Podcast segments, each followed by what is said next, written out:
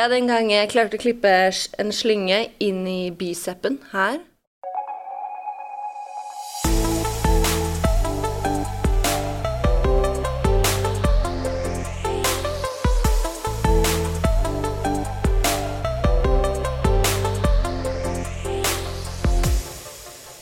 I dag så skal vi snakke litt om eh, klatring, og det er noe jeg ikke kan så veldig mye om, så jeg måtte ha med meg en eh, kollega her som heter eh, Viktor. Si hei. Hallo, hallo. Viktor og jeg vi jobber sammen på markedsavdelinga, og vi er ikke aleine her i studio i dag, for vi har nemlig med oss eh, Tina og Tilo. Velkommen. Takk. Takk, takk. Det var veldig hyggelig dere kunne ta turen eh, hit fra Oslo i dag. Det var kult. Gleder oss til å snakke med dere. Så bra.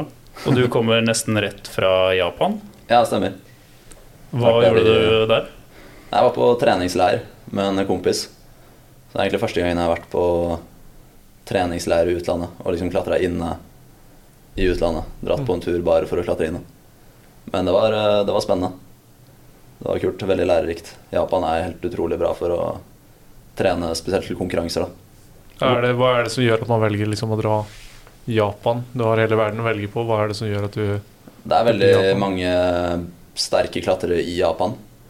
Så de skrur problemer på sentrene der, som er liksom til de sterkeste gutta. mm. Og da er det utrolig mye å klatre på, da, for min del. Det er liksom kjempemange problemer som er interessante, både tekniske og harde. Ja. Så Er det nesten litt sånn når man drar på Jeg vet når man drar på klatreferie i utlandet, da, så er det ofte at du, du trenger litt tid å tilpasse deg stilen, eller komme inn i Ja. liksom, måten eh, å klatre på. Er det Føler du at det er liksom det samme litt om man drar sånn til Japan og klatrer inne? Eller er det sånn ja, det er en ganske annerledes stil. Ja. Det er det. Men det er en veldig, mm, veldig viktig stil. For japanerne er litt De er litt mindre enn europeerne. Mm. Og veldig myke. Så den stilen får man ikke så mye av i Europa. Eh, og i konkurranser så skru, prøver de ofte å ikke skru lengdeavhengig. For da får de veldig mye tyn da, for å skru lengdeavhengig. Så da blir det på en måte motsatt ofte. da. At de skrur veldig trange posisjoner som ikke favoriserer liksom, europeerne så veldig. da. Ja. Og når vi i tillegg ikke trener så mye på det, så har japanerne en stor fordel. da. Så å trene på det, det vi får i konkurranser, det er jo utrolig viktig. Trene på det man skal prestere på. Mm. Kjenner du også at det liksom Ved å trene på det og inneklatringen, bidrar det også til å bli en bedre uteklatrer, eller er det Ja, definitivt. Ja. Det gjør jo det. Men det er ikke så én til én for buldring, i hvert fall. Mm. Det er det ikke. Det er jo mye mer mange flere tekniske aspekter Eller de tekniske aspektene ved konkurranseklatring og uteklatring er ganske annerledes. Mm. Um, og styrkeaspektet er ikke så så liksom frampå når du klatrer på innebuldra. På kommersielle innebuldra i liksom Japan eller i ja, hvor som helst i verden, egentlig. Ja. Så det blir ikke så brutalt fysisk. Uh, men det er definitivt på en måte elementer ved den treningen som som, man, uh, som kommer veldig godt med i uteklatringen nå. Da. mm. Og det gjør liksom at man blir en mer komplett klatrer. Definitivt. Har dere lyst til å fortelle litt grann om dere selv, eller? Ja. Eh, Jeg heter Tina Hafsås fra Oslo. Klatrer for Kolsås klatreklubb. Har klatret i litt over 15 år og konkurrert nesten like lenge. Um, da jeg var yngre, så var jeg nok kanskje mer sånn rendyrka plastikk- og konkurranseklatrer. Mens nå så prøver jeg å gjøre litt begge deler. da. Begge arenaene er på en måte viktig i, i liksom målsetting og hvordan jeg trener. da. Jeg heter Tilo Schrater. Jeg er 26 år gammel, fra Oslo. Jeg har tidligere bodd i Sverige, født i Nederland og har tyske foreldre. Så det har vært litt sånn eh, mye Bodd litt mange forskjellige steder. Men nå har jeg bodd i Oslo veldig lenge, siden jeg var åtte, så det er det jeg kaller hjemme. Klatrer også for Kåsås, hvor vi også trener en eh, barnegruppe, jeg og Tina sammen. Så Som det er ikke er så kult. små lenger. Ja. De var jo veldig små Stor- da vi begynte, store men nå er de jo nærmer seg 18 alle sammen. Mm. Ja, for dere har fulgt de over flere år? De samme? Ja, Ja. ja. Vi begynte når de var mellom 10 og 12, og nå er de mellom 16 og 18. Ja, Kult. Kult. Er det givende? Ja, det er utrolig morsomt, faktisk. det begynte jo kanskje litt som en sånn litt sånn jobb, Mm. eh, men det ble raskt veldig, veldig givende. Så det har vært veldig kult å følge de så lenge, altså. Hvilken type av nivå er det på de som dere trener? Er det liksom eh, personer som nå var med i NM f.eks. osv., eller er det en Ja. Ja. Eh, flere av de er blant de beste i Europa. Vi hadde en som klatra junior-VM-finale. Og han ene er norgesmester i buldring for senior. Og en som kom på pallen på tau-NM nå i helgen som senior. Så selv om de fortsatt er juniorer, så har de liksom begynt å snuse på seniornivå i Norge. Og begynt å hevde seg bra i Europa, og noen også i verden. da. Det er kult. Og vi har jo alltid hatt ambisjoner om at de skal ut i verden, da. Ikke bli fornøyd med å liksom være gode norske juniorer, da. Mm. Og det føler jeg jo også at de selv har ambisjoner om, da. Det er alltid liksom Europacupen og EM og VM det er snakk om, da. Mm. Så det er veldig kult at Ja, hun ene vant jo også en europacup i sommer. Så hadde vi vel en på pallen i buldring. Så de begynner å hevde seg nå. Mm. Men eh, Stilig. jeg tror nok de er litt mer inne. Ja, det er gøy. Um, hvordan klatrere er dere? Det er et spørsmål vi, eh, jeg og Viktor fant på sammen. Tja. Hvilke typer klatrere fins det, da? Ja, det fins de som klatrer oppover, og de som klatrer nedover. Jeg prøver å være en som klatrer oppover, i hvert fall. Ja, Det er ikke dårlig. Tilo er vel en veldig fysisk sterk klatrer, da. Mm. Ville jeg i hvert fall definert deg som. Ja, prøver å være mest mulig allsidig. Ja. Men eh, ja. Jeg er mer eh, Jeg driver jo mest med tauklatring. Mm. Litt mer sånn den seige, seige klatreren, kanskje. Men jeg prøver å bli sterk, da. Sånn, det har alltid vært viktig for meg å I konkurranse så skrur de ofte liksom Vi kaller det for stopper moves, som er liksom veldig markante flytt som skrus for å skille, da. Og kan du forklare det? Det skjønte jeg ikke. Så ruta er på en måte bygd opp av liksom 30-40 flytt. Og så er jo målet til rutesetterne er jo at bare én kommer seg til toppen. Oh, ja. Eh, Så alle andre må jo falle på veien. Og da skrur det liksom ofte i sekvenser, kanskje blir liksom gradvis mer intensivt. Og veldig ofte så er det på en måte ett eller to markante flytt som er liksom Ok, her må folk falle.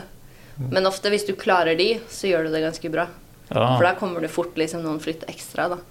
Så for min del så er liksom Det har jeg liksom tatt med meg inn i treningen, da, prøve å være sterk nok til å gå de flyttene selv om man er sliten, da. Mm. Jeg tror vi så et eksempel på det i NM nå. Var det ikke i damenes kvalikrute eller noe sånt, så var det var flere som hadde stoppa på flytt 17 pluss. Da er det noen som har kommet Mm. seg forbi. Så Ja. du så tydelig at det var her, her var det et sånt stopper Ja, move. jeg tror I damefinalen så var det vel de tre som kom på pallen, kom liksom forbi det flyttet. da. Ja. Og da er det sånn Hvis du er forbi, så gjør du det bra, og hvis du ikke er forbi, så gjør man det kanskje dårlig. Jeg skjønner. og i World Cup så er det jo snakk om å på en måte komme seg videre til neste runde, da. Så det er liksom veldig viktig å klare å gå de flyttene. Sånn at du kan være med og klatre finale. Kult. Så det er det du jobber på nå? Liksom, bli sterkere, komme forbi de. For Ja. utholdenheten har du jo Jeg har egentlig alltid vært en ganske utholdende klatrer. Men så har jeg kanskje i noen år, kanskje gjerne i forbindelse med liksom skader og sånn, kanskje fokusert mye mer på styrke. At jeg kanskje har mista litt av den utholdenhetsbiten. mm. Og nå har jeg vært uh, ute et år med skade, så nå prøver jeg liksom måtte kombinere de to. da, Ikke bare glemme utholdenhetsbiten, som også er veldig viktig i tauklatring. Mm. Men Viktor, hva er din eh, klatrebakgrunn? Jeg har klatra nå i 11-12 år. Uh, starta inneklatring i Oslo når jeg bodde der. Og har vel klatra mer aktivt de siste seks-sju årene. Uh, klatrer ikke så hardt som uh, Tina og Tilo, men uh, jeg er på en sånn uh, 7A, 7B-nivå. Og skulle si at jeg er mer en teknisk klatrer. Aldri vært uh, særlig sterk, men eh, teknisk og egentlig en statisk klatrer. Ja. Jobba mye på det med dynamikken og jobba mye på psyken framfor alt. Ja. Det er, eh, jeg er ikke en klatrer som har lyst til å falle. Og det er jo en terskel man kan komme over, men, eh, eller som man bør komme over om man skal Ja. gå hardere ruter. Ja. Så det er eh, Det er vel der mange på en måte står midt på, eller har kommet seg litt opp, men eh, står i de 7A og 7B-rutene og må gjøre en ordentlig innsats for å komme seg videre. Ja. Ja. Eh, og ja, ta seg tid og fokus til å liksom komme seg opp på en høyere nivå. ja. Men Tilo, hvordan starta du med klatring? Hvordan ble du Um, introdusert for det? på en måte? Jeg starta når jeg flytta til Norge, når jeg valgte. Og det var mamma som tok meg med. Men jeg har hatt en familie som har klatret Altså best på farssiden, så har eh, familien klatret hele tiden, egentlig. Men mer sånn fjellrangling. Ja. eh, med liksom hemptau og skikkelig gamle skolen. Da. Eh, og det, det ble jeg aldri introdusert for. Eh, men jeg var med på klatreturen da jeg var veldig veldig liten også. Mm. Men så var det mye sykdom og sånn som preget familien en stund. Så når det liksom var overstått da jeg var åtte, så begynte jeg liksom, da tok mamma med meg med og klatret. Og da begynte jeg å klatre også. Da ble jeg veldig gira. Klatret liksom hver dag etter det. Ja. Det er utrolig hva man orker når man er liten. ja. ja, da var det liksom på senteret etter skolen hver dag. Bare være der til jeg måtte hjem og spise middag. Det har vel ikke forandra seg så mye, da. Siden du er liten, men det var 26 og fortsatt på senteret hver dag. Ja. Ja. ja, men man får litt mer struktur på treningen og sånn. da. Ja. Litt mer eh, ja, Skjønner at hviledager faktisk eh, har en verdi. Det skjønner man ikke når man er liten. Hva med deg, Tina? Eh, Jeg begynte å klatre da jeg var 11-12. Og det var egentlig bare sånn alternativ greie, fordi jeg var veldig gira på fotball. Men så fikk jeg så vondt i knærne. Så jeg fikk egentlig beskjed om å liksom stå over fotballen et års tid. Eh, og da hadde jeg allerede vært innom liksom andre Sånn, jeg har alltid vært veldig aktiv av meg og likt å drive med idrett.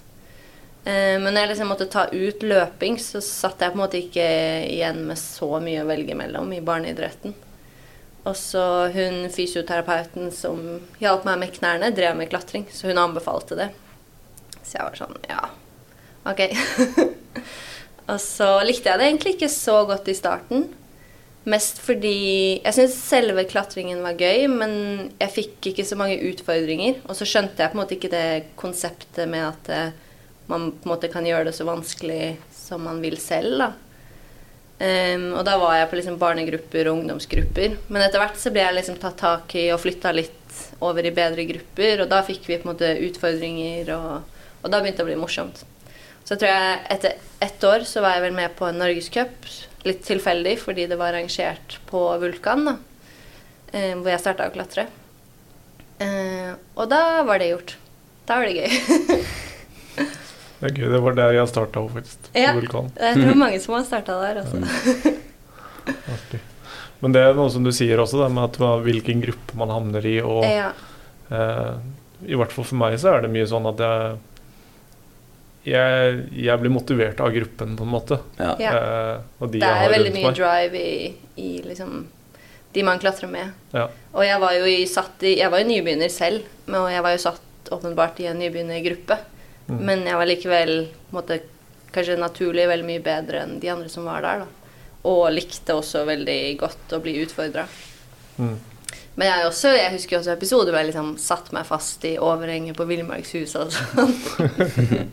Satte deg fast? Eh, ja, jeg, av en eller annen grunn så klarte jeg å klippe slynga inn i selen min. Å ja. Eh, og så var jeg på en måte kanskje ikke sterk nok, og da var det jo overheng, da. Så liksom all vekta mi satt jo i selen. Så var jeg sikkert ikke sterk nok til liksom holde meg inntil og klippe meg ut, da. så det var litt, eh, litt eh, kaos en gang. Ja, det skjer vel heldigvis ikke lenger, da. Nei, Det er sånt man skal gå igjennom. jeg klarer i hvert fall å tenke rasjonelt nok til å Ja. reversere det i så fall. Jeg har faktisk klippet meg inn i, i skoen en gang. ja, Sånn eh, hempene på skoen. ja, det dro forbi- til. Snikende flytt forbi en quick draw, og så plutselig var hælen klippet òg. Shit. Ja. I liksom eh, løkka du eh, Ja, i løkka, ja. Ja. Den er fryktelig skummel når du er på ledd, for da er det bare å ta, Ja, det ta beste tak og klippe seg inn. Ja. Ja. Det var litt inne, opplevelse. Inne. ja. Litt sånn ja det lett overhengende, og så snek meg forbi, og så plutselig var det en klipp i. Men den hadde vel kanskje røket hvis du hadde falt. Jeg håper det. Ja. Jeg har ikke lyst til å Den har sikkert flippet deg opp ned og Ja. slått bakhodet ditt først, da. ja. Ja, den gang jeg klarte å klippe en slynge inn i bicepen her. Oi. Oi. Inn i liksom, kanskje ikke inn i muskelen, men i hvert fall ganske god del av liksom, eh, huden. da. I et takoverheng på, på Oslo klatresenter, hvor jeg trener nå. Og da så var jeg sånn Jeg var så pumpa at jeg klarte ikke å klippe den ut. Men så var det veldig veldig sykende å ta fallet. Men jeg hadde på en måte ikke noe valg. da. Jeg måtte bare slippe og håpe at det gikk bra. Og jeg kom meg unna med et liksom ganske kraftig blåmerke. Men da var det en annen på gymmet som sa at han hadde sett noen andre gjøre det, og han hadde røket bicepen på det. Ja, må vi bytte emne. ja. Nei, jeg ble litt interessert i klatring i sommer. Fordi ja. jeg hadde lyst til å utfordre meg sjøl litt. Jeg har eh, ganske fæl høydeskrekk. Ok. Så jeg brukte, brukte et par måneder på å klatre de siste 25% av klatreveggen som vi har her ute. da. Mm. Men uh, det var jo så utrolig mestringsfølelse. Ja. Ja. Og det her har jo Instagram-feeden min selvfølgelig plukka opp. da, At jeg har begynt å bli interessert i klatring. ja. Så nå har jeg begynt å følge en sånn konto som heter Whipper Media. Eller noe sånt, noe som bare, Jeg har skjønt at en whipper det er et fall. da. Ja. Mm. Men det som slår meg litt, er at selv de som ser ut som veldig sånn erfarne klatrere, de kan godt skrike litt når de faller ute Ja. på tau. ja, ja. Ja. Hva er det, er det sjokket liksom over at man uh, glipper veggen, eller? For man stoler vel på utstyret når man er Det er vel det at kanskje ting Kanskje fallet blir litt større enn man liksom så for seg. Ja. Uh, Man har jo på en måte en feeling på hvor langt man suser. ja, eller hvis man faller man veldig plutselig, liksom, hvis det er Ja. tak som knekker eller et eller annet sånt. Ja. Men eh, hvis man er på støteren og vet at nå kommer jeg sannsynligvis til å falle, Ja. og så faller man, så føler jeg ikke det er så vanlig at jeg skriker, i hvert fall. ja. Nei, jeg skjønner. Men det er noe som er jo Hva skal man si? Vi som mennesker er jo Det er en reaksjon at vi faller. Ja, ja. Så det er noe man må jobbe med. Over, ja man, man gjør kanskje det de første gangene, da, hvis man Ja, genuint er redd for liksom, livet sitt. da. ja. Og for meg så er det ferskvare også, så hvis jeg Hvis jeg da klatrer lite led, led, Ja. f.eks. i en periode, så Ja. må jeg nesten begynne å falltrene litt igjen for å komme meg litt forbi det. Ja. Ja. Og så plutselig, så etter bare noen fall, så er det helt greit igjen. Ja. Men det første fallet kan du kjenne sånn at det her skal jo ikke være noe problem. Jeg har Ja. gjort det masse ganger før. Jeg må bare, Ja, ja. bare klatre opp og hoppe. Da Ja. kommer det Jeg kan kjenne meg igjen i det.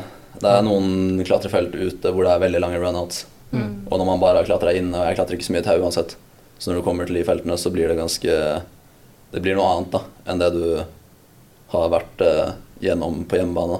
Ja. Så du må liksom ta et par fall bare for å forsikre deg om at ja, jeg vet at det er trygt. Det var trygt denne gangen også, Ja. men det var jævlig langt. Er det noen norm på hvor lang avstand det er mellom sikringene når du klatrer? Mm, det burde jo være så kort, eller maks den avstanden, sånn at hvis den forrige bolten ryker, så tar den bolten under deg. Men det er ikke alle steder hvor det er sånn. Det er mange steder hvor det er sånn at hvis den bolten under deg ryker, så går du faktisk i bakken. da. Mm. Sånn i Ja. Frankrike er det mange steder hvor det er bolta sånn. da.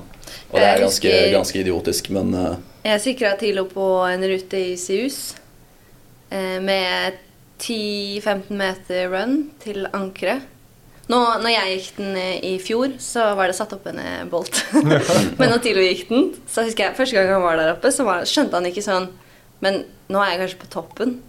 Men han hadde jo ikke klippa noe anker, så han kunne jo ikke ha vært på toppen. Så han liksom bare fortsatte og fortsatte og fortsatte. Eh, og til slutt så kom det jo til ankeret, og det var jo ikke sånn sinnssykt hardt, men det er jo fortsatt Jeg syns i hvert fall som sikrer, da, at det er litt sånn Ok, hvis han faller og det ryker, så går han i bakken, da. Konse konsekvensen blir jo det samme. Ja. Mm. Uansett om det er lett eller hardt, så er konsekvensen er jo det samme hvis det skjer. ja. Så, men inne har du jo ofte et fast på en måte avstand mellom bolter. ja. Så det er der Ja. mange blir sjokkert når de kanskje kommer ut, og spesielt andre områder. ja. Eller også felter kan være rundt her, som er mer som vi sier, litt mer old school-bolta. da. Det er. Kanskje de som bolta, betalte boltene bolten over egen lomme. Ja. Så da er det sånn Her er det lett klatring, så her trenger ikke jeg en bolt, for det Ja. koster meg penger, så setter jeg den der oppe. Aha. Men Det, er, eh, det kan du også se. da. Et Mm. eh, felt i dag som er kanskje med klubber med økonomi, eller at du får bolter fra Norges boltefond, eller osv. Da, da bruker du er gjerne litt, litt mer bolter. ja. enn der du betaler i egen lomme. Ja. Men det er mange som syns det er kult at det er litt uh, sparsommelig bolta også. Ja. Mm. Så det er mange steder hvor de prøver å bevare på en måte den gamle boltestilen. Når de rebolter, når boltene blir gamle og de må skiftes ut, så setter de bare boltene på samme sted igjen.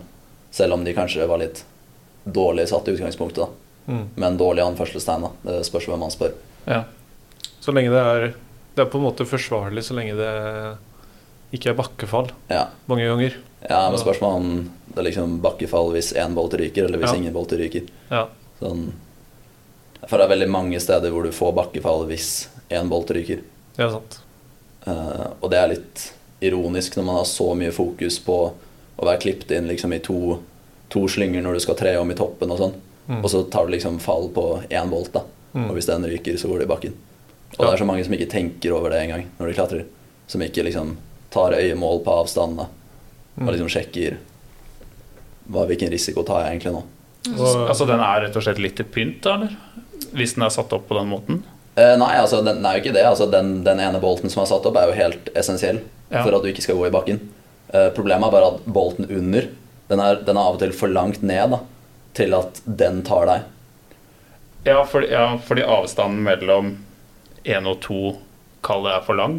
Ja, Ja, da skjønner jeg. mm. så Merker jeg må bruke huet litt. ja. Ja. Men det er, vanskelig, altså, det er jo litt vanskelig å se, se også. Altså, du må jo bare ta det på Eller du kan jo, kan jo faktisk måle opp, men det er jo stress. Man tar det jo mest på øyemål. Ja. Og så er det jo mye liksom, uforutsigbarhet i systemet også.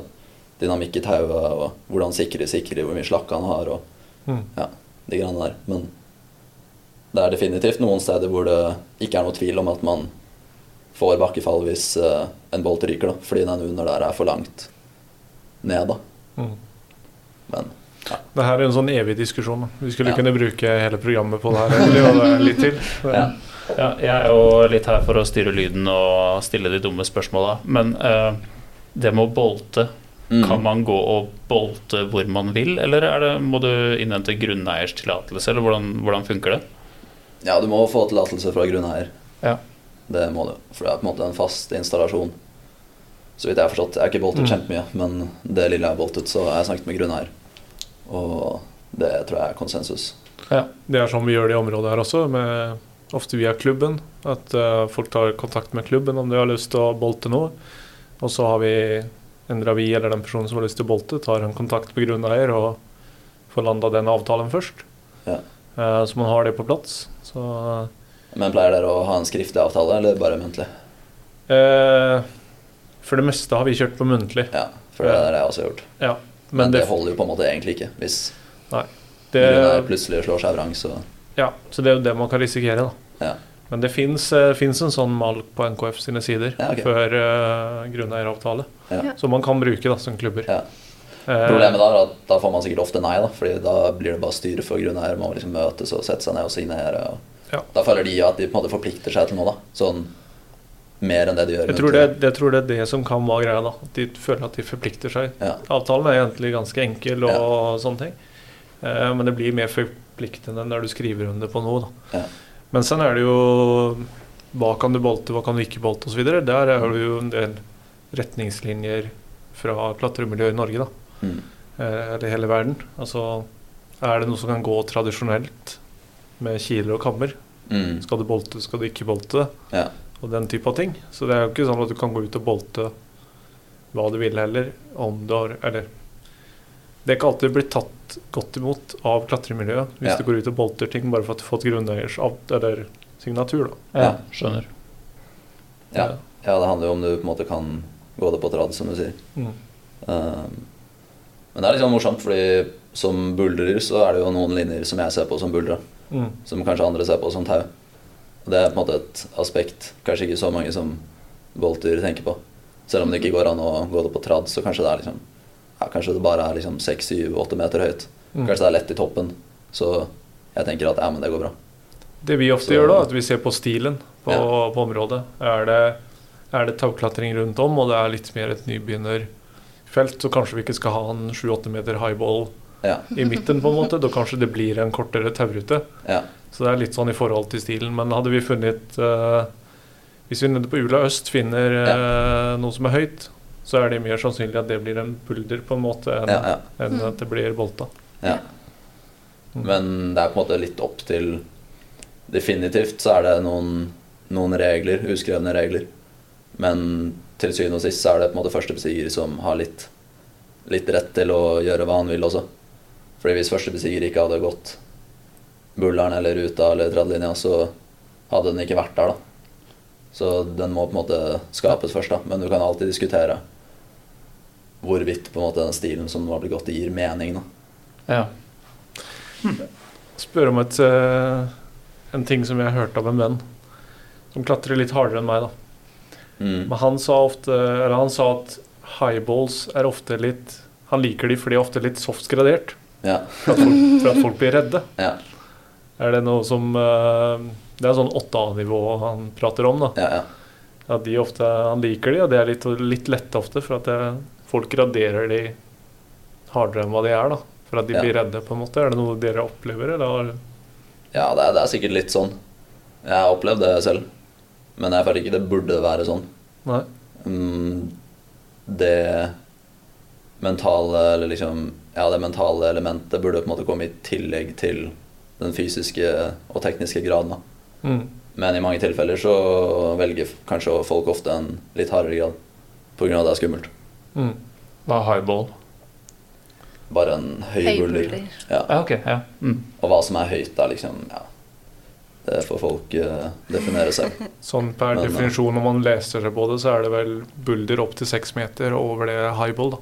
Ja. Hvis du ikke Ok. bruker tau, på en Ja. måte. Det er i hvert fall definisjonen jeg har lest. da. Og det fins jo liksom flere Særlig Bishop i eh, USA er liksom kjent for liksom gigasteiner. da.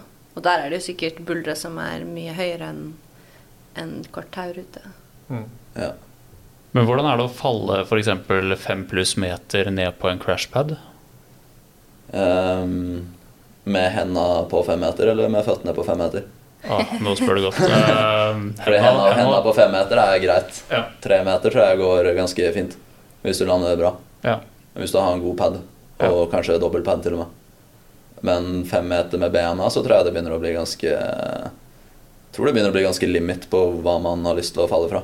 Mm. Men jeg tror det som regel kan gå bra også. Mm. Men jeg tror ikke jeg har falt så ofte fra fem meter. Du har jo noe som du for Eller som vi kaller for no fall zone. Så når du, du vet på en måte at når du kommer forbi der, så har du ikke lyst til å falle. Ja. Da er det ikke sånn Du skal ikke tvile og tenke 'kan jeg klare det her?' Uten det er Her vil du være ganske sikker på at nå resten oppover, det går greit. Mm. Ja. Hvis ikke så hopper du ned før du kommer forbi det punktet. Det er ikke der uh, crux er, liksom, på fem pluss meter. Du ønsker jo helst ikke det, Nei. i hvert fall. Det som er ganske vanlig nå, da, som sikkert er relativt nytt, det er jo hvis man jobber på liksom så harde, høye ting, og prøver å jobbe det inn på tau først. da. Ja. Sånn at når du kommer dit fra bakken, så vet du liksom 100% hva du skal. da. Jeg lurte litt på en sånn prosess jeg har vært litt interessert i, er den derre Hvis dere oppdager et bulder et eller annet sted, og så eh, skal dere preppe den og finne beste måten å løse den på. Jeg lurer på om vi kunne snakke litt om hvordan, hvordan dere går fram der. Ja. Er dette en eh, etablert bulder eller en helt ny en? Helt ny. Helt ny. ja. Box fresh. Nei, altså man må jo Først så må man jo finne den, da. Og det, det kan jo være krevende i seg selv. Så når du først har funnet den, så må du jo gidde å ta frem stålbørsen og gjøre arbeidet med å pusse den. Mm. Og da må du på en måte visualisere litt flytt og sånn, da. Eller bare være veldig gira. Ja. ja, og så er det jo jobben med å faktisk pusse, da, som er mye jobb. Ja. Uh, få bort mosen med stålbørste og få frem liksom Det er ikke alltid man ser hvilke grep som kanskje skjuler seg under mosen. da. Så det blir litt sånn skattejakt. Uh, og så når du på en måte har bulleren i all sin prakt foran seg, så må man jo begynne å tenke flytt. da, Tenke klatring. Mm. Hvordan kan man løse det med det, de formasjonene man har tilgjengelig. Uh, og det er jo kanskje den kuleste prosessen. da.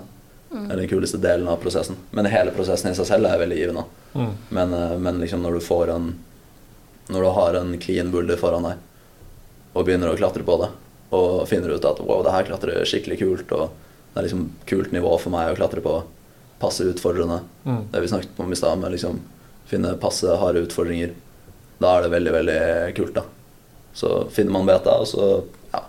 og så blir det jo som en hvilken som helst annen etablert buller, da, at man prøver å gå da, med den betaen man har kommet fram til. Mm. Men starter det på en måte med at du f.eks. går forbi en veldig kul, svær stein? Er det der det starter? Ja, Eller det starter det, kan- med at du ser et par flytt der, og så spinner du det videre derfra? Det er vel gjerne at man ser steinen, og så prøver man å se etter litt grep. Er det liksom grep som funker bra sammen? Fins det fottak? Ja. Og så begynne å kanskje leke litt med tanke på om det kan funke, da. Mm. Veldig ofte så er det jo på en måte helt blanke partier, eller at det er for lett, eller at det ikke er nok føtter. Det jeg tenkte å si også, for det, det gjør jo litt Det har litt å gjøre med hvilket nivå du klatrer på, kanskje også, da, hvor, Mm. hvor du er i, i klatringa. For jeg kan jo gå forbi en stein som jeg tenker at det her er ikke en buller, for det er umulig. Som Ja. Tina og Tilo går forbi og tenker at men her er umulig, og her er det et fottak. Ja. Som jeg på en måte har dømt ut av det, da. Mm. Så det er jo veldig mye som kanskje også i etablerte områder. Det er ikke sånn at noen har gått gjennom der og funnet alt. Mm. Det spørs helt hvilket nivå det er på. Det handler veldig mye om å ha visjonene. ja. Ja. Og liksom se, se linja og ha troa på at det går, da. Mm. Og det er ofte en liksom modningsprosess. Mm. Sånn, det er veldig mange linjer jeg har funnet hvor når jeg finner de, så tenker jeg sånn Ja, den, den ser helt uh, grei ut, men ikke høyeste prioritet å pusse den akkurat nå. Men så ligger den liksom i bakhodet. Og kanskje jeg stikker og ser på den på neste tur, da. Stikker og ser på den igjen. Og plutselig så ser jeg noe helt annet enn det jeg så første gangen.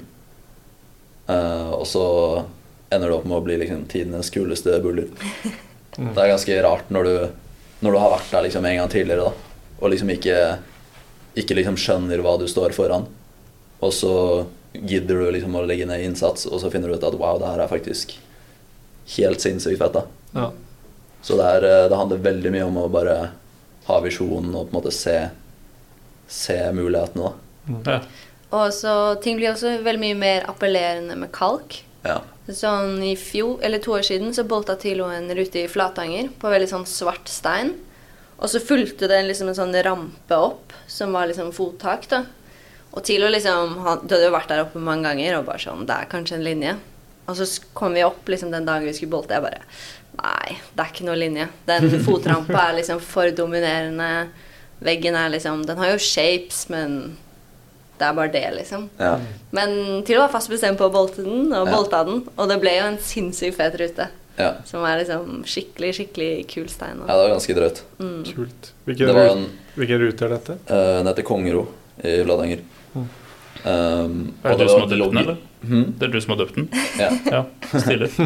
uh, og det ligger, um, det ligger en bulder som vi Eller et par buldre da, som vi har etablert rett under den tauruta.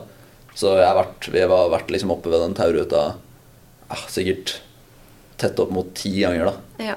Eh, Og alltid sett på ruta og tenkt sånn ah, Kanskje det er en linje her, liksom. Men aldri egentlig gått for å Aldri hatt troa, da. Nei. Og så, som Dina sa, bare plutselig en dag så bare ah, Shit, vi må nesten bare bolte den opp og sjekke, liksom.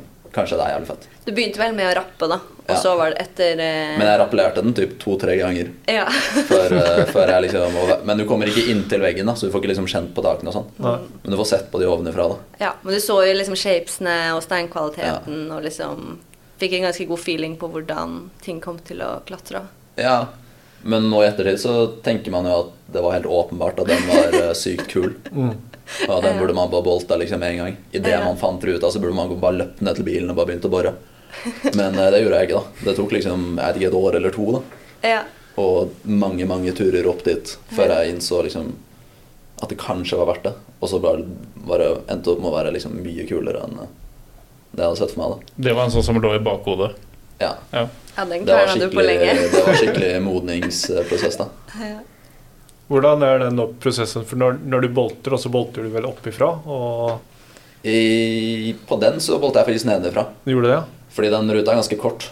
Ja. Um, så boltene er veldig, veldig tette. ja. Det vi snakka om i stad. Mm. Det burde de være når ruta er kort. Ja. um, de er ganske tette, så kanskje 1,5 meter eller noe sånt. Så da mellom boltene. Så, så da bolta jeg bare nedenfra. Satte liksom første bolt fra en stige, og så bare heiste meg opp i første bolten, og så bolta andre bolt. Så bolta på leda, som det heter. ja.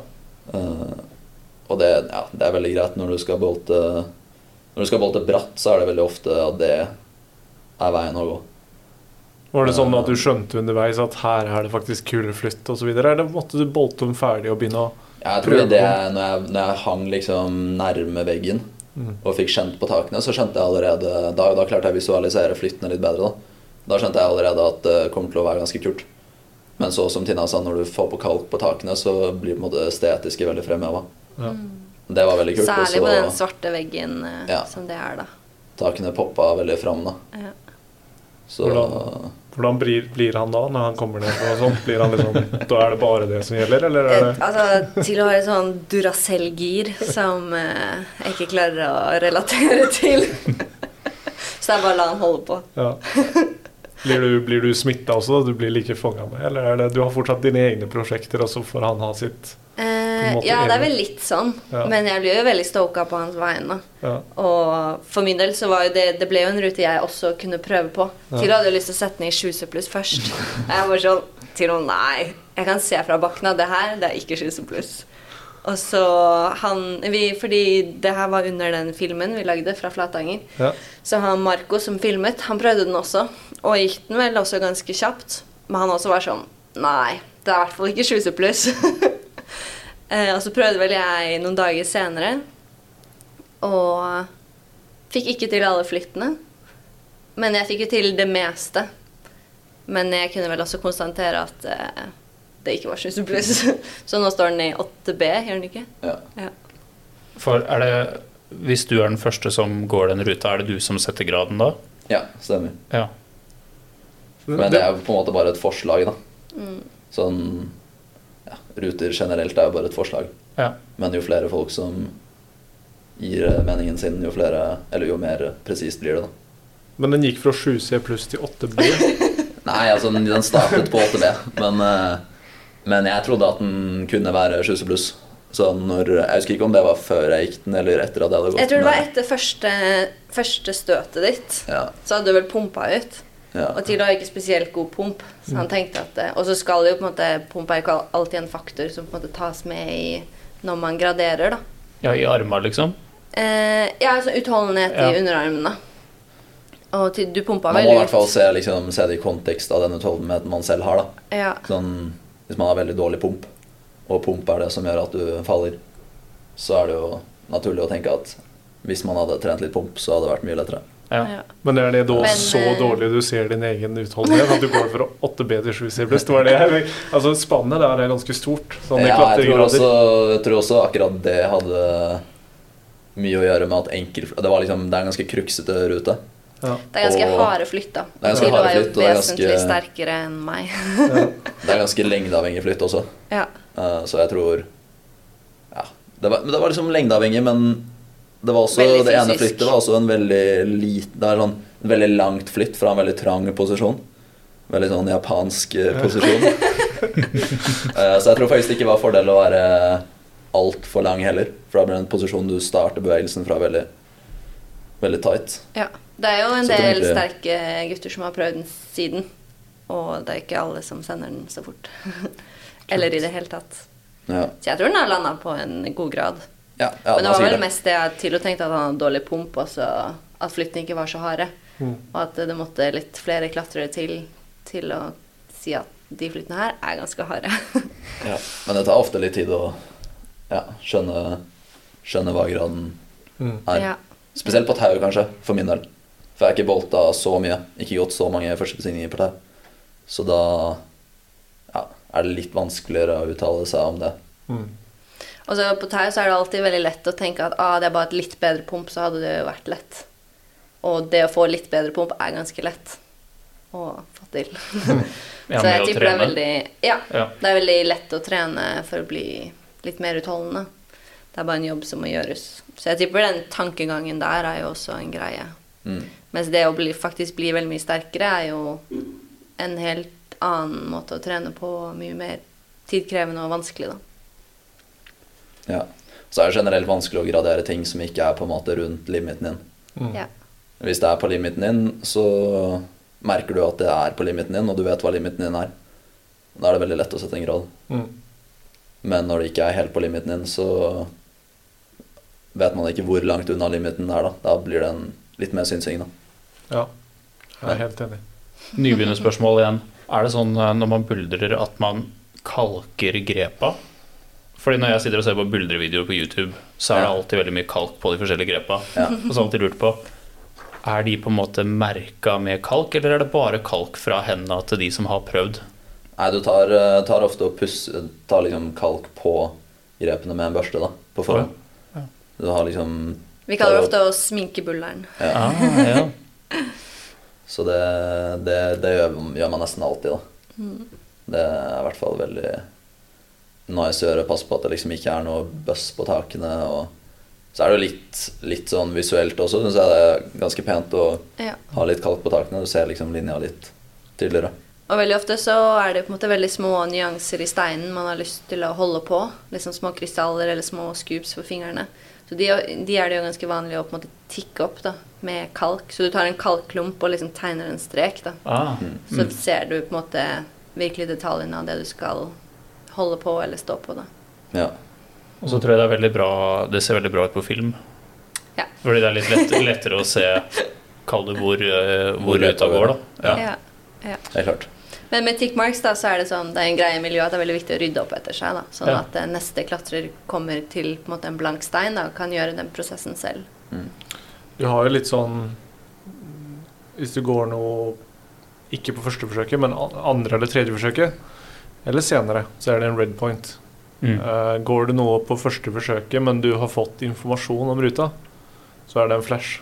Ja. Men for å gå det onsite, så skal du ikke ha noe informasjon. Så sånn som Tina var inne på, hvis du lemner tickmarks osv., det er veldig tydelig at her er det fottak osv., da har du egentlig brent den sjansen til en onsite allerede, for du har fått informasjon om ruta, Mm. even om du ikke har prata med noen. Men det får du på en måte av at det er kaldt på takene også. Det gjør det, men det det- spørs hvor mye grad. Altså, Ja. Jeg har kommet noen steder der jeg har skjønt Her er det åpenbart at det taket der hadde ikke jeg funnet hvis ikke det var tydelig Ja. tickmark ut og sånn. Ja. Ja. Og da blir det litt sånn definisjon for seg selv, da. Ja. Er det en flash, eller er det en Har jeg fått informasjon eller ikke? Så Ja. Derfor så er det jo veldig fint å, som Tina sier, at uh, ta bort tickmarks osv. i klatremiljøet, så man ikke tar den sjansen det var for andre som har lyst til å ha den prosessen. Ja. Men det er også funnet i liksom førere som gir beta Mm. på liksom ruta. Da. Da blir jeg liksom, da blir jeg skikkelig sint, da. For da er liksom føreren ødelagt for onsiten min. Ja. Hvis det liksom Men onside er uansett en veldig sånn diffus eh, stil. Ja. Der, er, Ja. eh, altså, du får jo aldri en helt clean 100% onsite hvor det ikke er noe kalk på noen av takene. Og i buldring så snakker vi egentlig ikke om onsite i det hele tatt. Ja.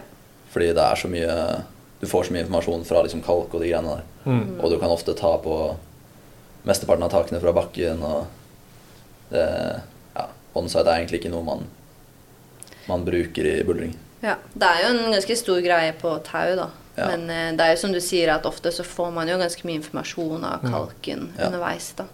Og det kan også være gummimerker fra skoene, da. Ja. Eh, Så ting blir jo litt Det blir jo mer og mer diffust, liksom. Men man kan jo i hvert fall prøve å være ærlig på det selv, da. Mm. Ja. ja. Ja, det er sånn i konkurranser også, så skal det jo ofte være onsite, da. Men da er det jo på en måte veldig mange ting man kan lese fra kalken. Hvis du har et grep, og så ser du liksom at det er et tommelmerke på venstre siden av grepet, så ser du at de har tatt på med høyre hånd, da. Mm. Og motsatt. Ja. Så sånne ting kan man lese fra kalken, da. Og hvis du er først ute, og takene ikke har noe kalk på seg, så er det en ulempe, da. For da kan du ikke lese den informasjonen. Men der mener jeg at jeg har sett noen ganger i konkurranser at de lager tickmarks som viser at her er det på en måte en, Ja. en chip osv. Er Ja. det for at det kommer en førsteperson som ikke har informasjonen, skal bli mer likt for alle? Eh, Ja, det er ofte så kommer tickmarksene på Hvis det er skrudd på små chips på Mm. store grep, at det er liksom bare for å konstatere at her er det grepet hvor du skal holde, da. Ja. Eh, Fordi det er ikke lett å se på bakken. Og ofte så er chipsene samme, mer nei, samme farge som grepene. Så det er liksom helt umulig å se, da. Jeg husker jeg klatra semifinale i EM sist. eh, På store blå tak. På skikkelig store slopere i bratta. Jeg var sånn Herregud, det her ser hardt ut. Men jeg kom opp dit, så var det jo masse chips. Så det Ja. var egentlig bare skikkelig krymperute, da. Bratt krymperute. Som passa meg veldig bra, da. Men det var liksom grep jeg ikke så fra bakken, da. Eh, og da var det heller ikke noe tics, da. Men, så det var jo på en måte for min del en positiv overraskelse. Ja. Så var det sikkert noen som hadde motsatt og tenkte at yes, det her har jeg, og Ja. så kommer de opp til krympene, og da er det Ja. ja.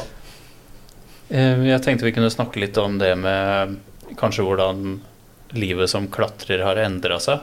ja. Vi, snakket, vi har hatt et lite sånn forberedelsesmøte, og da snakka dere litt om det her fra, fra å ha vært underground til å ha blitt litt mer profesjonelt. ja. Kanskje litt eh, Hvordan har dere opplevd den prosessen? Um, tja Det er jo, det er jo en, en sport i veldig rask eh, vekst nå. Særlig liksom innendørsklatringen. Det er mye folk. Eh, men jeg opplever jo på en måte fortsatt at sånn, det er ikke veldig mange profesjonelle klatrere i Norge. I hvert fall ikke i sånn klatring vi driver med. Ehm, så jeg føler kanskje at vi må liksom Vi har måttet bane litt vår egen vei. Og liksom sette på en måte premissene litt høyere enn kanskje hva som har vært akseptert tidligere i miljøet. da.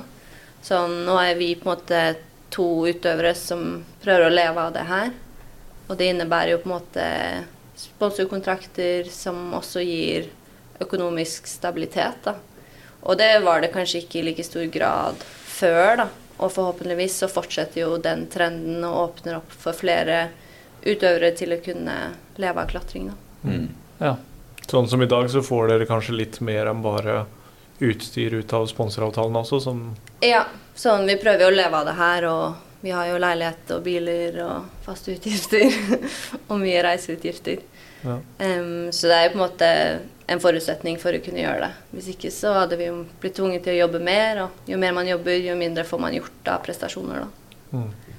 Hvem er dere sponsa av i dag, på en måte, sånn i klatre... I dag jobber vi med Arcterix, Petzl og La Sportiva Norge. Og Friction Labs fra USA på kalk. Mm. Det er bra du er dekt på det meste, da, fra klær til utstyr til eh, Ja. kalkforbruk og Definitivt. Vi kjøper børster selv. Ja, de gjør det. Børster er og selv. Ja. Det er alltid vondt når man må betale en hundrings for en børste. Uff. Da kjøper du den her, eller? Hva? Da kjøper du den her. Ja, ja, selvfølgelig.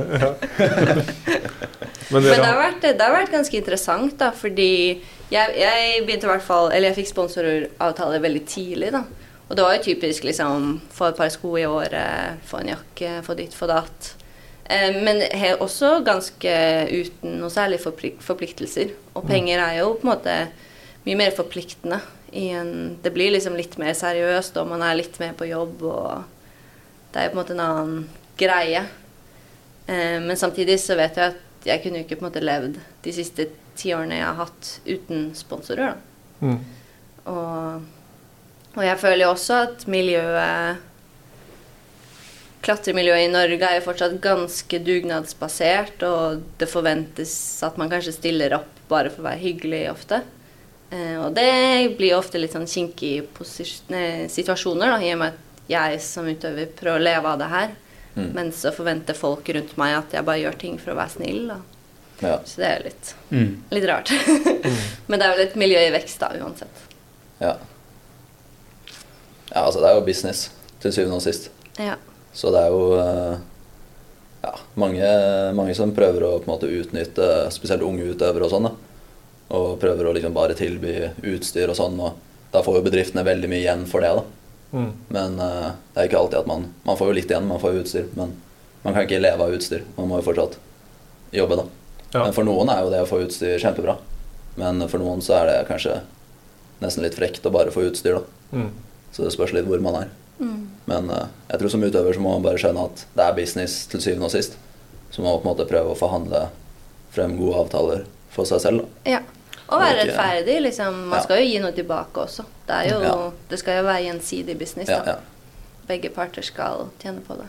ja. Og Da er det veldig vanskelig å få det til å leve det livet dere lever i dag, på en måte? Eller er det noe som man kan satse på? Altså, hva en, eller holder det på en måte å være en veldig god klatrer, eller må det veldig mye, er det veldig mye annet arbeid rundt for å på en måte kunne leve av det? Jeg tror i dag så er det jo på en måte den selvpromoteringen er jo veldig viktig, da. Være Ja. synlig i liksom de plattformene som er mest trendy. Mm. Um, min, mine tanker har jo på en måte alltid vært å prøve å liksom la prestasjonene snakke for seg, da. Og på en måte ikke prøve å gjøre noe mer ut av det enn det. Men jeg merker jo at liksom Det krever jo på en måte en viss tilstedeværelse da, i plattformer. Ja.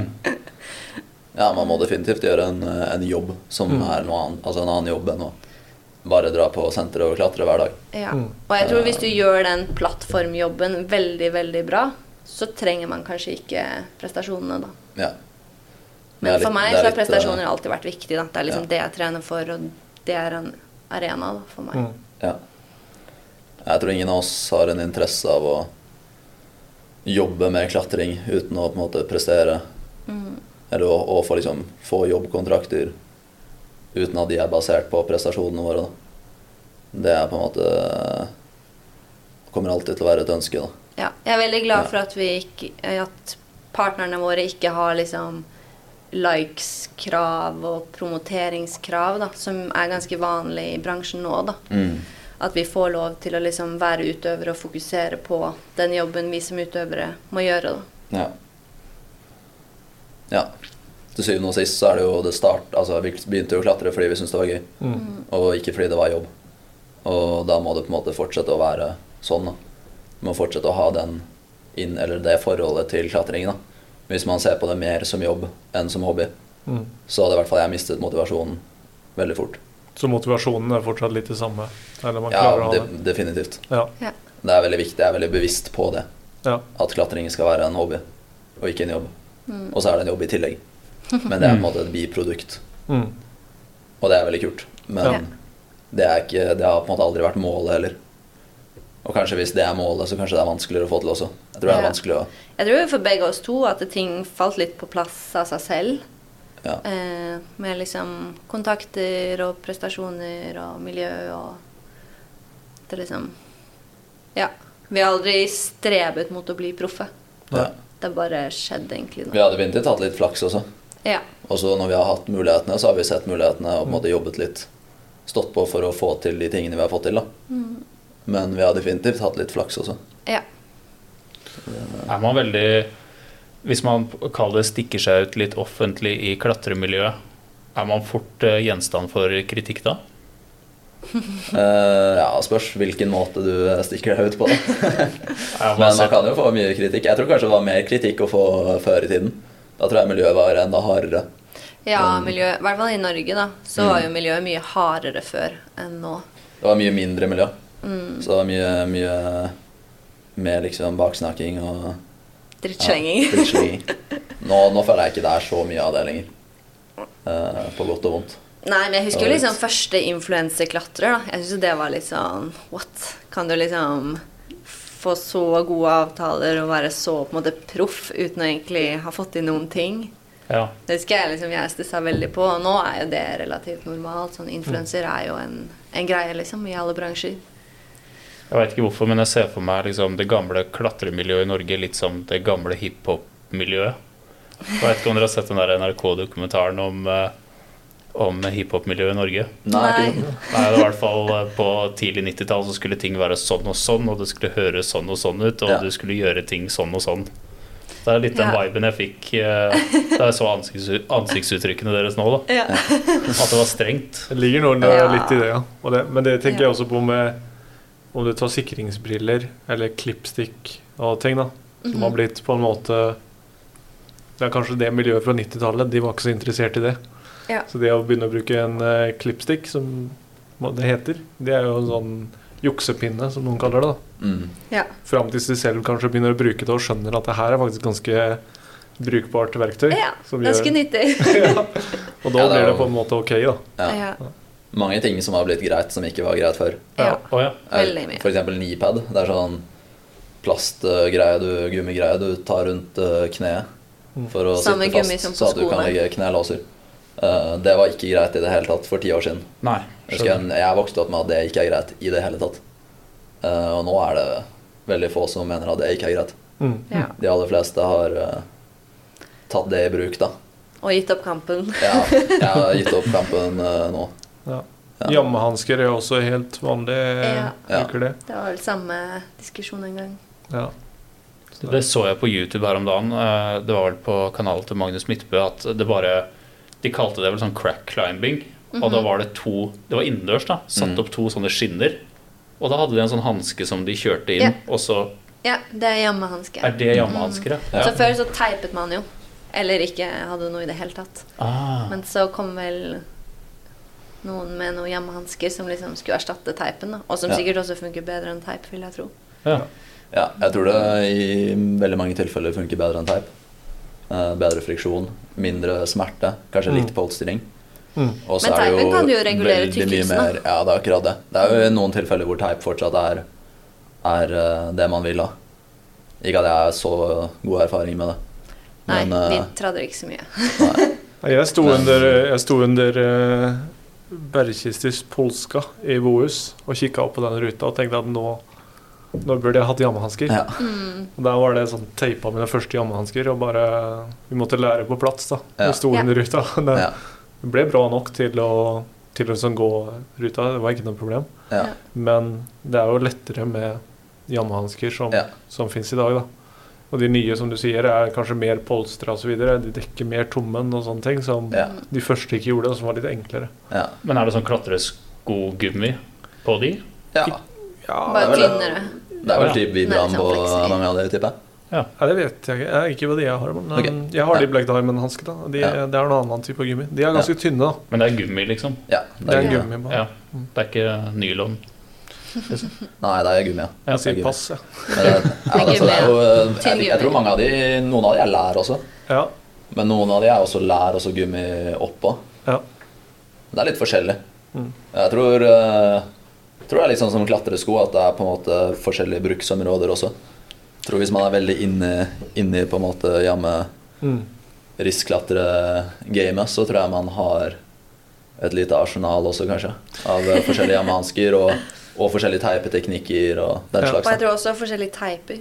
Ja, forskjellige forskjellige typer teip, ja. ja. For sportsteip er ikke bare sportsteip. Nei. Ja. Det, det er elastisk og uelastisk og forskjellige farger og alt mulig. Ja. Og kvaliteter. Ja. Men apropos det med sånn arsenal av eh, sånne ting. eh, Sko, eksempel. ja. Det er, eh, det er noe som er veldig forskjellig beroende på hva man klatrer osv. ja. Har dere favorittsko som dere klatrer i det skoene går for, eller har de liksom et arsenal av sko de bruker? Vi har et stort arsenal, men vi har definitivt noen sko vi, som er go to-skoen. Som vi klatrer med, klatrer med til vanlig. Ja. Sånn default-skoen. Når vi på en måte ikke helt vet hva ruta stiller for krav. Så jeg bruker i hvert fall ofte Solution Ja. fra La Sportiva. Det er min allround-sko. Men så er det veldig mange andre modeller som jeg bruker i tilfelle veldig små fottak eller veldig slappe fottak eller noen type Hilux. Så ja. Ja, jeg er samme. Eh, og jeg har akkurat oppdaget at eh, herresko det er enda stivere enn liksom dameskoene, da. Mm. Oh, ja. Og, så jeg også har jo Solution som go to-sko, og det er den jeg konkurrerer i. Det er den jeg gjør mesteparten av klatringen min i. Og så har jeg ofte en mykere sko når jeg skal buldre. Mm. Ehm, men eh, klatringen rundt Oslo er jo vertikal, ganske lengdeavhengig ofte. Eh, og i høst så drev jeg jobbet på en rute som er liksom, den er litt kjent for å være lengdeavhengig. Og liksom for hver gang jeg dro ut, så hadde jeg med liksom et par sko som var litt stivere, sånn at jeg ble litt lenger. Eh, og så rett før jeg gikk den, da, så oppdaget jeg plutselig herresko. For da var jeg sånn Jeg må ha noe stivere. Og så begynte jeg å se litt på nettsiden, og så så jeg liksom at herremodellene både hadde en annen gummi, en liksom stivere gummi, pluss at sålen var en halv millimeter tykkere, og midtsålen var stivere. Mm. Så det var veldig mye som tilsa at de skulle kanskje funke bedre. Og når jeg fikk tak i de herreskoene, så klarte jeg plutselig å på en måte strekke meg ut så langt at jeg kunne gjøre en helt ny beta, da, som gjorde at jeg klarte å gå ruta. Men er det ikke litt rart at det er sånn? At det er den forskjellen mellom herre- og damesko? Jo, men jeg tror produsenten sier at liksom, det fins en type idealvekt, da, eller Ja. som skoene er designet for. Ah, ja. Og så, så på en måte den stive dameskoen er liksom tilpasset en vekt, og så er den herreskoen tilpasset en annen vekt. da. De skal på en måte oppleves likt Ja. for forskjellige vekter. Det som er litt rart med det, egentlig, da, vi har tenkt på det når vi har publisert produkter her, så har vi snakket og vært inne på det temaet her. så Jeg var, inn, jeg var innom det for et par år siden. Og da Det er jo litt som en ski, egentlig. At du har en flex, hvor mye den flekser imot, og hvor Ja. stiv den er. ja. Så egentlig er det fortsatt litt rart at vi kanskje kaller det dame- og herresko. At det Ja. ikke går på på en måte vektklasser. For det er jo Ja. som du sier, Ja. jeg har noen venner som faktisk klatrer i Eller som er menn som klatrer i damesko. da ja, Ja. det gjør jo til også noen Ja. ganger. For det er egentlig bare en mykere variant med, Mm. av det. Så du Mm. får mindre, Og mindre jeg tror nok de fleste, eller flere klatremerker som på en måte går mer mot på en måte kalle dameskoene for liksom low volume mm. istedenfor dame og herre. da. Um, og det tror jeg også La Sportiva har begynt å gjøre, men uh, det er kanskje ikke trumfa gjennom ennå. I mitt hode er det fortsatt i hvert fall dame- og herresko. Ja. De, de bør nok kommunisere det litt mer også. ja. Sånn uh, hva de endringene innebærer. Ja. For det er ikke alle som er klar over hva high volume, low volume osv. Ja. innebærer og så videre, da. Ja. Men jeg synes i hvert fall Jeg har jo på en måte et ganske stort arsenal i utgangspunktet. Og så nå som jeg har oppdaget liksom herremodellene, så fikk jeg jo liksom Hvor mange sko har du? Hvor mange har du? Um, jeg har alltid fire par i sekken. Um, men det liksom, de stive skoene bruker jeg bare når jeg klatrer rundt Oslo. Jeg har aldri brukt det ellers. Jeg liker egentlig ikke stive sko, for jeg føler jeg har så dårlig feeling og Mm. klatrer dårligere. Ehm, så jeg liker egentlig mykere sko, da. Men i Oslo så er stivt veldig bra, da, for da blir jeg litt lenger. Ja. Og det er kjekt. Hvilken er din sånn go to school? Mm. Eh, Solution. Det er Solution, det òg. Den originale. Ja. Men damemodellen, da. Jeg prøvde herremodellen et år, og de funka, de også, men det tok veldig mye lengre tid å gå de inn. Mm. Så når jeg klatrer ute, så liker jeg ganske freshe sko, og inne så liker jeg ganske slitte. Så når jeg går inn en konkurransesko, så bruker jeg sikkert tre-fire uker før de er klare. da. Å, ja. Ja, Så det er liksom forskjell på modellene og Mm. leve, eller hvor, hvor de er i levetiden sin. da. En sko kan oppleves veldig annerledes når den har blitt bare brukt tre ganger, eller når den har blitt brukt i to måneder. Ja. Mm. Det kan være en helt annen opplevelse. Så, så med Solution, som er på en måte min go to-sko, så har jeg ofte en litt sånn slitt sko med meg, og en veldig fresh sko. Og den freshe skoen er jo litt eh, stivere og har litt mer edge. Så den vil jeg ofte bruke på litt mindre fottak, kanskje. Mm. Men hvis det blir liksom smøring, spesielt inne på volumer og sånn, så vil du jo gjerne ha den litt mer inngåtte skoen, da. Ja. Sånn at du får liksom mest mulig kontaktflate. ja. Og så på tauklatring, så, eller i hvert fall konkurranseklatring, så er det jo alltid br eh, bratt. Og jeg liker veldig ofte Jeg tror kanskje stilen min er litt sånn at jeg trekker veldig mye med bena, som prøver å bruke de litt som armer. Eh, og da må du på en måte ha myke sko da, for å få det til. Fordi hvis det er stivt og du ikke har noe feeling, så sklir man bare av. Mm. Så stilene har litt eh, Det er liksom stilen og fottakene som påvirker valg av sko, da. Ja. Hvor tighte skal skoa være? Er det, skal de gjøre litt vondt, eller er det Jeg vet ikke, altså. De sier jo at de skal være jævlig trange. Men uh, Jeg jeg har egentlig ikke eh, hatt så trange sko tidligere.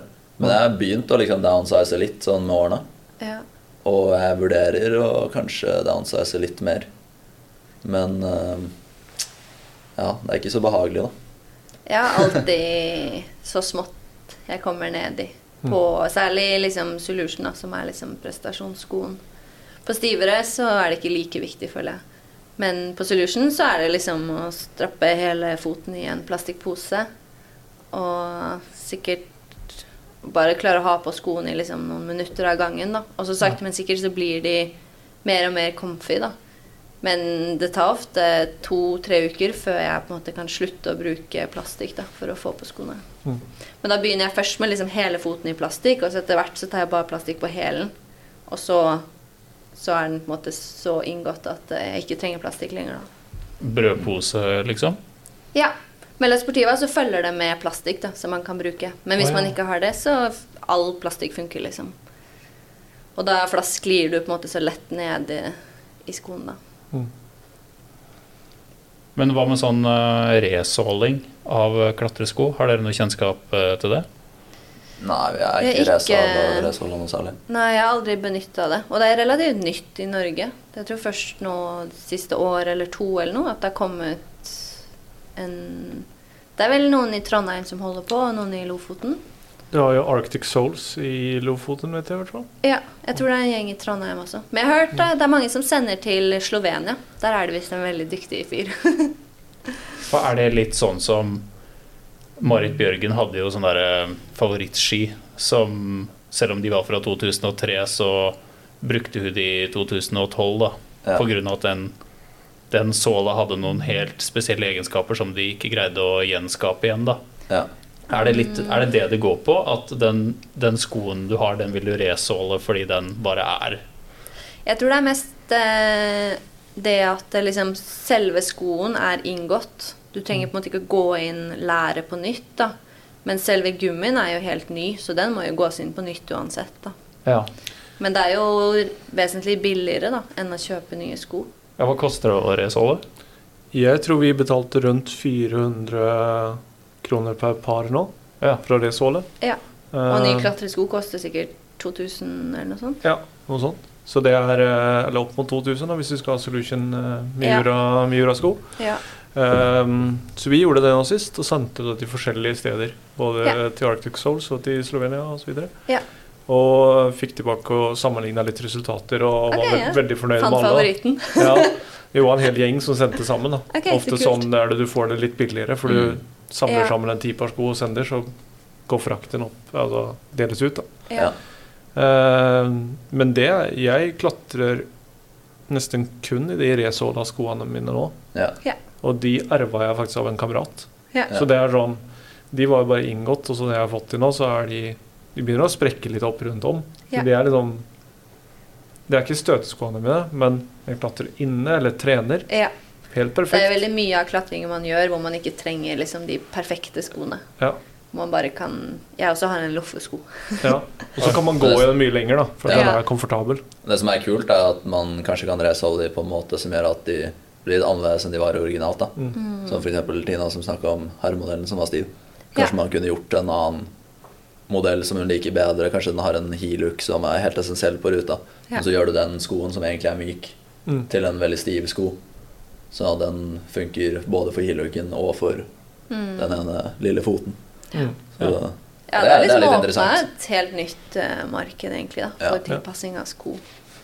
Men eh, man må kanskje kjenne noen da, for å få til eh, de triksene der. Ja, Hvis ikke så får du nok bare en helt standard Resola-sko. Ja. Og jeg vil tro at den er dårligere enn en ny sko. ja. Men som sagt, hvis du har Hvis du ikke skal bruke den til noe liksom veldig spesifikt, så kanskje det holder. Det spørs noe hvilket nivå du er på i klatringen også. Ja.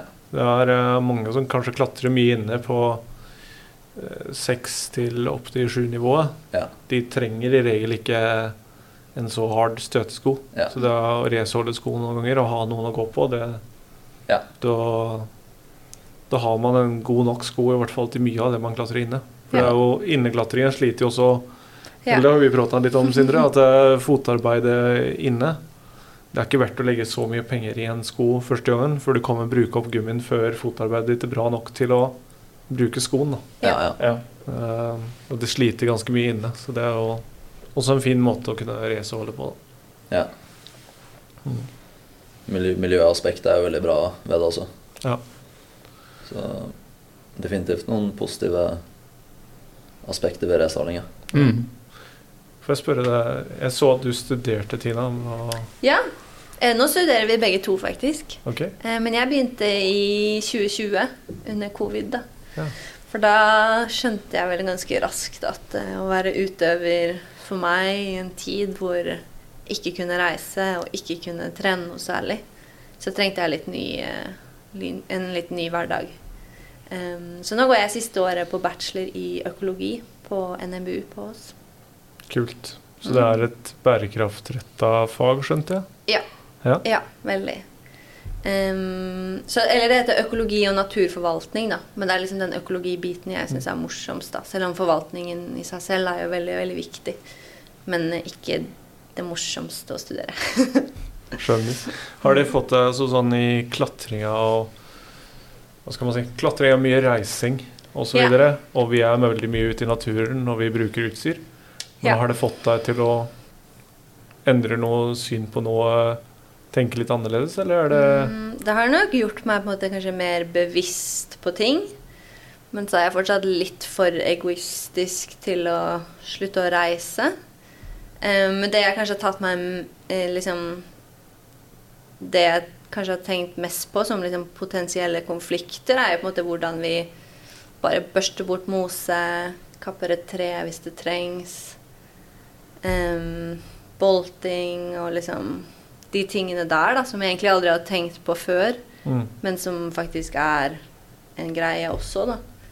Um, men jeg syns jo altså klatring som sport er jo en sinnssykt kul idrett og fin måte å være ute på og se verden på.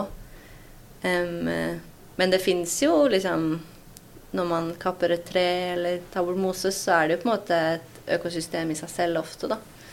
Som endres, da. Mm. Enig. Sånn er det jo mye Jeg tror klatrere ofte generelt er jo ganske flinke på å ta vare på naturen Ja. og de plasser vi er ute, for Ja. vi er veldig mye ute der. Ja. Så det er, eh, ta Du vil jo at ting og skal være så bra som det kan være hele tiden. Ja.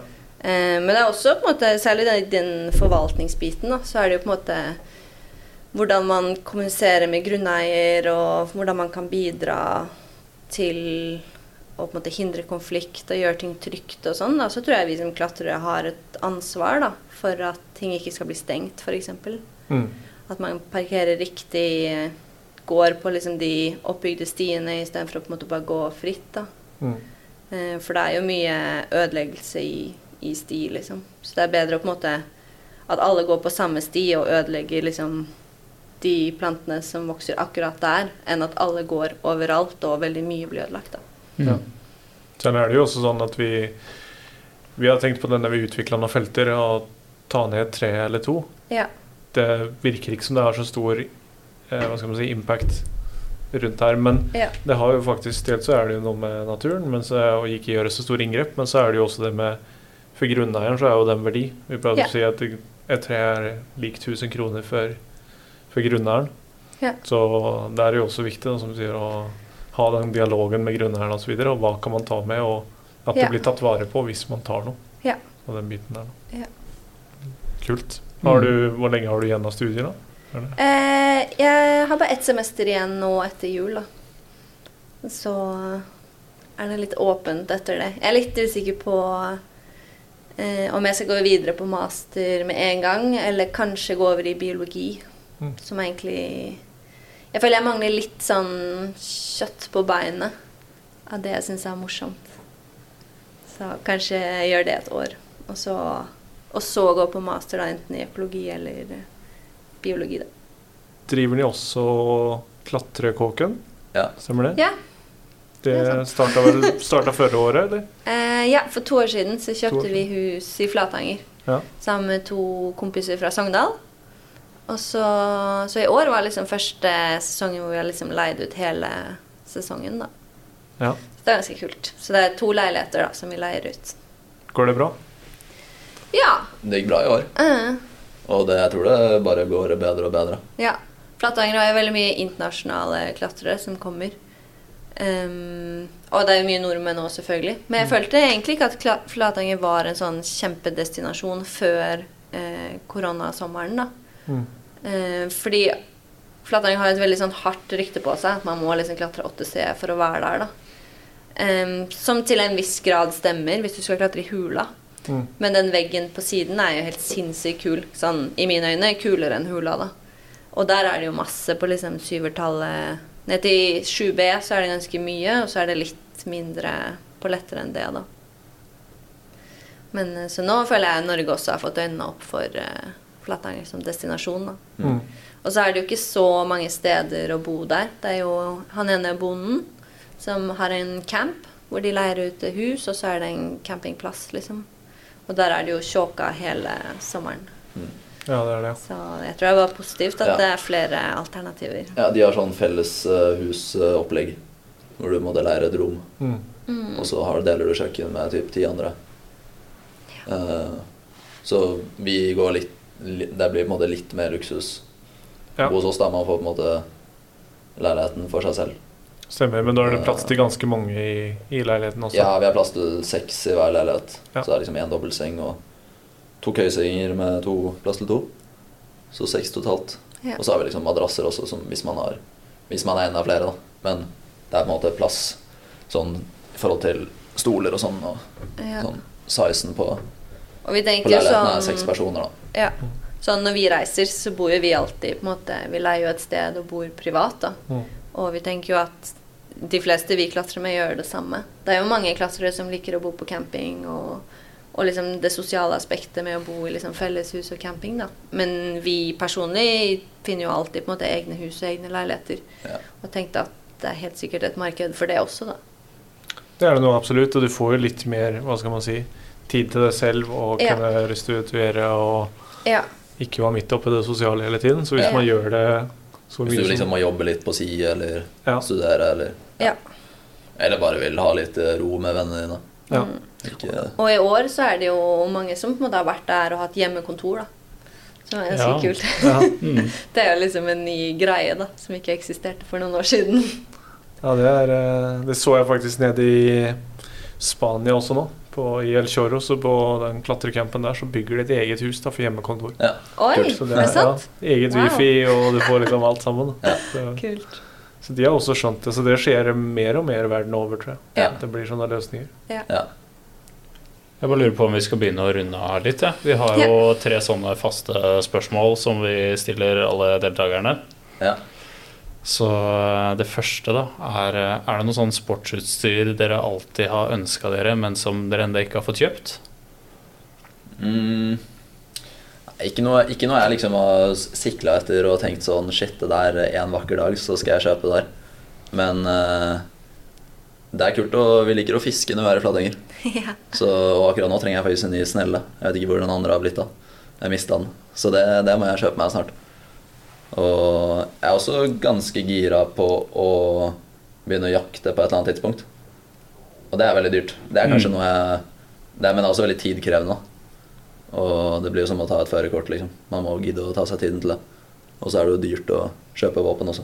Ja, det er ganske høye sånn oppstartskostnader, Ja. tror jeg. Ja. Så ja, det må man Det, det må man være liksom skikkelig gira, gira for å gjøre. Og ta seg tid til å begynne med. Spørs om du kommer klare å se dyrene da, hvis det er stein i terrenget. Liksom. Ja, men jeg har faktisk tenkt at det er liksom en helt sinnssykt eh, god kombo, da. Ja. Å Ja, ja, lete etter buldre og jakte samtidig. Da kan du liksom både finne, finne stein og finne mat. Mm. Det blir ikke mye bedre enn det. Nei, det er jo Urmennesket kommer fram her. Finner Ja. stein og mat på en gang.